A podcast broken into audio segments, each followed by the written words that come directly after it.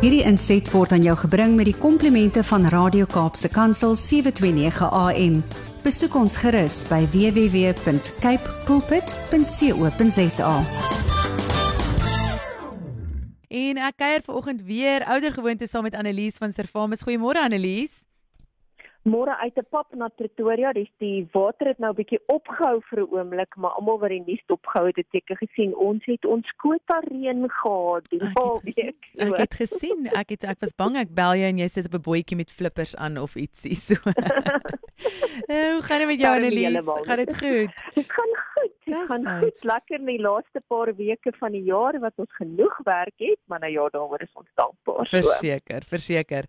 Ek is opgewonde om vanoggend ek lag nou so toe ek en jy gesels op toe vir my sê ons praat oor die laaste slenters van van die jaar en um, ja, ek dink ons het die afgelope paar weke oor 'n paar slenters gepraat. Ek meen as jy noem van kripto, Instagram, werk soek, om maar net 'n paar te noem wat ons genoem het in ter inleiding, herinner ons ons luisteraars net weer wat hierdie slenteraars se tipiese modus operandi is sodat ons makliker kan uitken of iets kan raak sien as 'n slenter. So, watter tipe situasie is algemeen waar tydens iemand gekontak word en wat nog 'n verdere aanduiding is dat dit 'n slenter is? Annelies, kom ons vat hom vas. Ja, ek het baie om so vir 'n inleiding te sê want ek dink ons moet in die eerste instansie onthou hierdie slenteraars diskrimineer nie teen jou nie. So al dink jy jy het net R10 oor in die bank, moenie dink dit is nie goed genoeg vir hulle nie.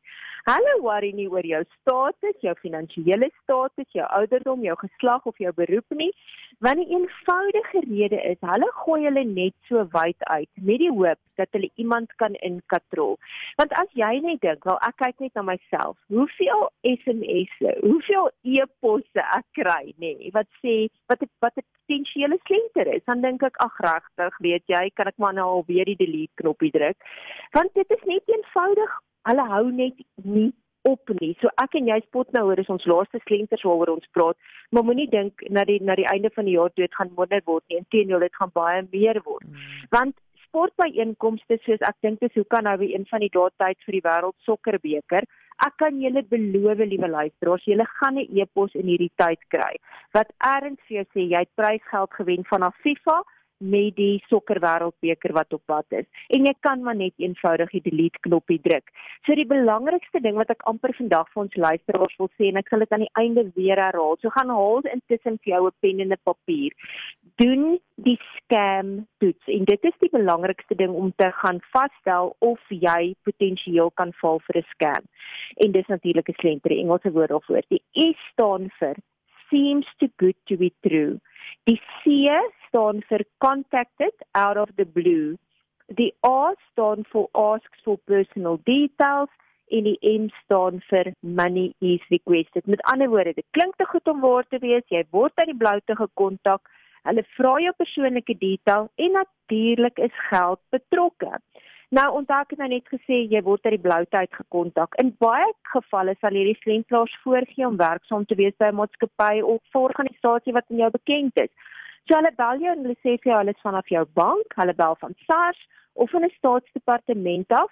Hulle het reeds jou volle naam of aan jou ander persoonlike besonderhede wat dit natuurlik baie meer laat eg klink of hulle gebruik die naam van 'n maatskappy wat vir jou baie bekend klink, maar hulle sê dit so vinnig so dit klink vir jou so SARS, maar dit is nie heeltemal SARS nie en jy dink dadelik as jy ontvanger ag nee jy wil tog nou nie hierdie tyd van die jaar moeilikheid hê met die ontvanger nie. Of hulle sê vir jou, hulle bel van een of ander diensmaatskappy, dit is 'n bekende tegnologie maatskappy en hulle sê vir jou kom ons sê nou maar, ja, hulle bel van Microsoft af en daar's groot moeilikheid met jou rekenaar. Hulle kan vasstel dat daar 'n virus is wat al jou data um jy weet potensieel kan vernietig of wat jou data blootstel aan kuberkrakers. Jy skrik jouself in 'n koma en hulle sê vir jou moenie stres nie mevrou. Al wat jy moet doen is X Y en Z en dit sluit onder andere natuurlik in dat jy geld moet oorplaas en hulle toegang moet gee tot rekenaar en dan word jy skrik so groot jy doen al hierdie tipe van goeders. En dan nog 'n kenmerk is natuurlik dat hulle druk op jou plaas om onmiddellik 'n besluit te neem. Hmm. Want te vinniger jy reageer, hoe minder tyd het jy om navorsing te doen of hulle maatskappy of oor hulle aanbod te dink en jy is so in stres en jy doen dit onmiddellik. Of hulle sê vir jou, moet asseblief nie hierdie oproep beëindig nie, want as jy dit waag om te doen, gaan X, Y en Z begin. Soos as hulle byvoorbeeld sê hulle bel van Microsoft af is daai boodskap van hulle wil onmiddellike toegang tot jou rekenaar hê sodat jy nie jy weet die risiko word van kuberslagoffers nie. En daai geld wat ek nou-nou van gepraat het, sê hulle vir jou onder andere, gee net vir ons jou kredietkaart besonderhede, insluitend daai CVV3 syfernommertjies aan die agterkant bevestig die vervaldatum al daai wonderlike goeders. Hulle sal gou-gou die 100 of 200 of 300 rand wat die konsultasie ook al is of 'n nuwe sagte ware wat jy moet betaal, sal hulle deur jou kredietkaart sit. Jy stres se vinnig, jy gee hulle al daai besonderhede. Jy dink nie aan wat se realiteit dat hulle nou, jy weet, besonder jou kredietkaart besonderhede het en natuurlik dit vir verdere transaksies kan gebruik nie.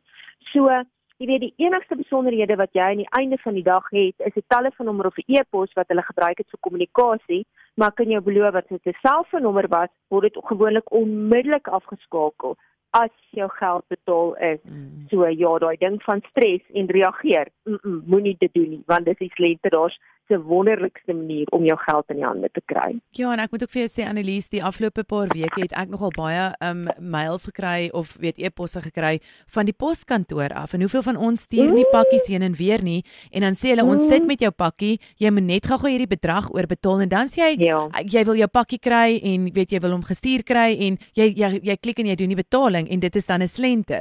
En soveel mense val daarvoor want daar's pakkies wat gestuur word. So elke moontlike manier is hulle besig om jou te probeer kry en dan ook om te kyk, weet almal van ons het geld nodig hierdie tyd van die jaar en dit lyk na 'n baie aanloklike en 'n baie goeie idee om dit dan te doen. Maar is daar 'n manier 'n manier hoe ons verskillende vorm van kommunikasie kan uitken as vals of as slenters? Met ander woorde, is daar 'n spesifieke manier hoe hierdie slenteraars kommunikeer wat eie is aan hulle? Ja, as ons weet hoe die verskillende maniere om 'n vervalste dokument natuurlik insluitende vervalste e-posadresse, ag e-pos, jy weet boodskappe of vals profile op dating websites of selfs advertensies uit te ken, dan natuurlik kan ek en jy onsself beter beskerm om nie vir 'n slenter gevang te word nie. So wat is van die rooi ligte? As jy kyk na daai dokument, kom ons vat nou my e-posadres, soos jy jy sê nou al daai poskantore, ek het ook 'n hele klomp van hulle gekry, e-posse wat jy gekry het is die eerste ding, die kans dat dit aan jou Andri geadresseer is of aan my Annelies geadresseer is, is baie klein. Met ander woorde gaan toe deeltjie, daar waar staan toe. Daar nou moet die performance besoek in ZA. Daar staan gewoonlik net recipients of die toe is leeg of daar staan jy weet net undisclosed recipients. Met ander hmm. woorde dit word nie aan my geadresseer nie, dit word aan 'n miljoen mense geadresseer en ek kan nie sien wat dit is nie. Dit is 'n baie swak voorlegging met swak taalgebruik. Nou daardie seker nie jy moet 'n purist wees of 'n hoër graad hê in Engels of Afrikaans nie, maar jy kan sommer sien die taalgebruik is nie goed nie. En dan gebruik hulle baie keer ook die name van organisasies wat nie bestaan nie, maar dit is bitterlik naby aan dit wat ons ken. So as jy mooi gaan kyk, is daai SA Post Office is daar ekstra lettertjie in. Ek het so 'n week of wat terug gepraat oor daai mense wat geval het vir die slenter van Sanral. Mm. En in hulle e-posadres was die woord Sanral verkeerd gespel. Hy het twee A's gehad. En dis hoekom spelling in die laerskool en in die hoërskool so belangrik is mense. Toe geen ander rede nie om slenteraars uit te ken. Baie keer wat hierdie ouens ook doen hè, is hulle vat ons almal weet as jy byvoorbeeld 'n vliegkaartjie bespreking gedoen het of hotelbespreking, daai ding wat jy uitdruk, daai PDF wat jy uitdruk om te bewys dat jy het so 'n bespreking, is baie keer in 'n eenvoudige formaat.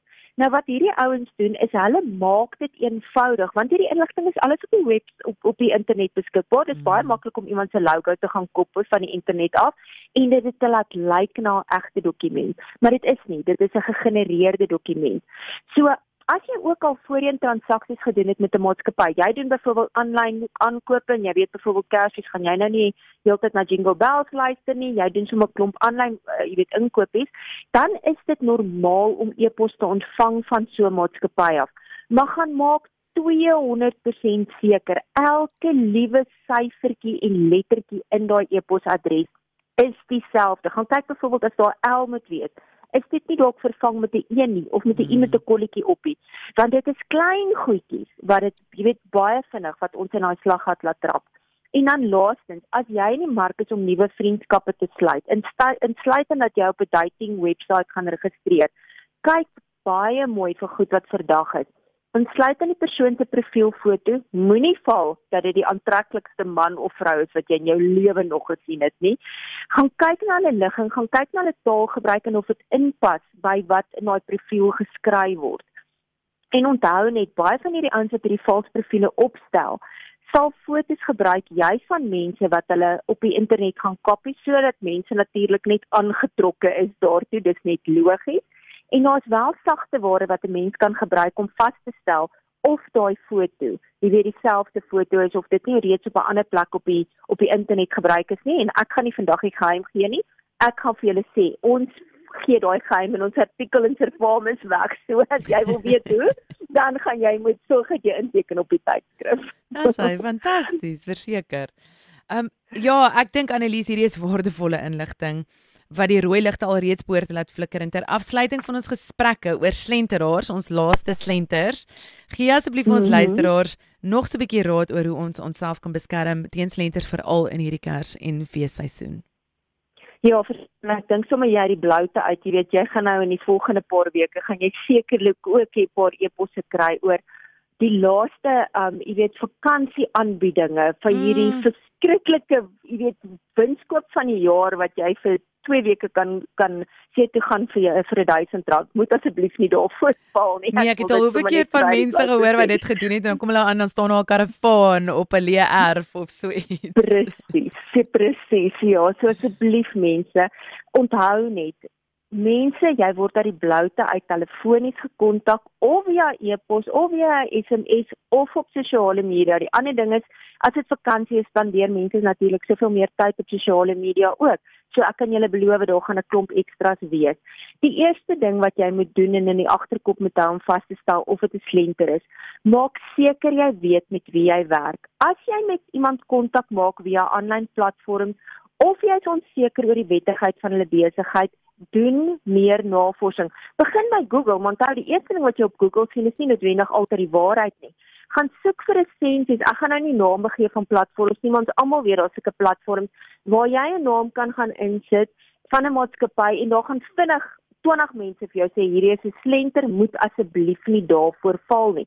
Of sit hom op Facebook hierdie ouens het jou gekontak. Jy weet, weet iemand al of hierdie 'n slenter is of nie 'n slenter is nie. Dalk gaan iemand vir jou sê nee, maar dis die waarheid as jy natuurlik aan mense kan vertrou of mense gaan vir jou sê dis 'n slenter bly weg, jy gaan jou geld verloor.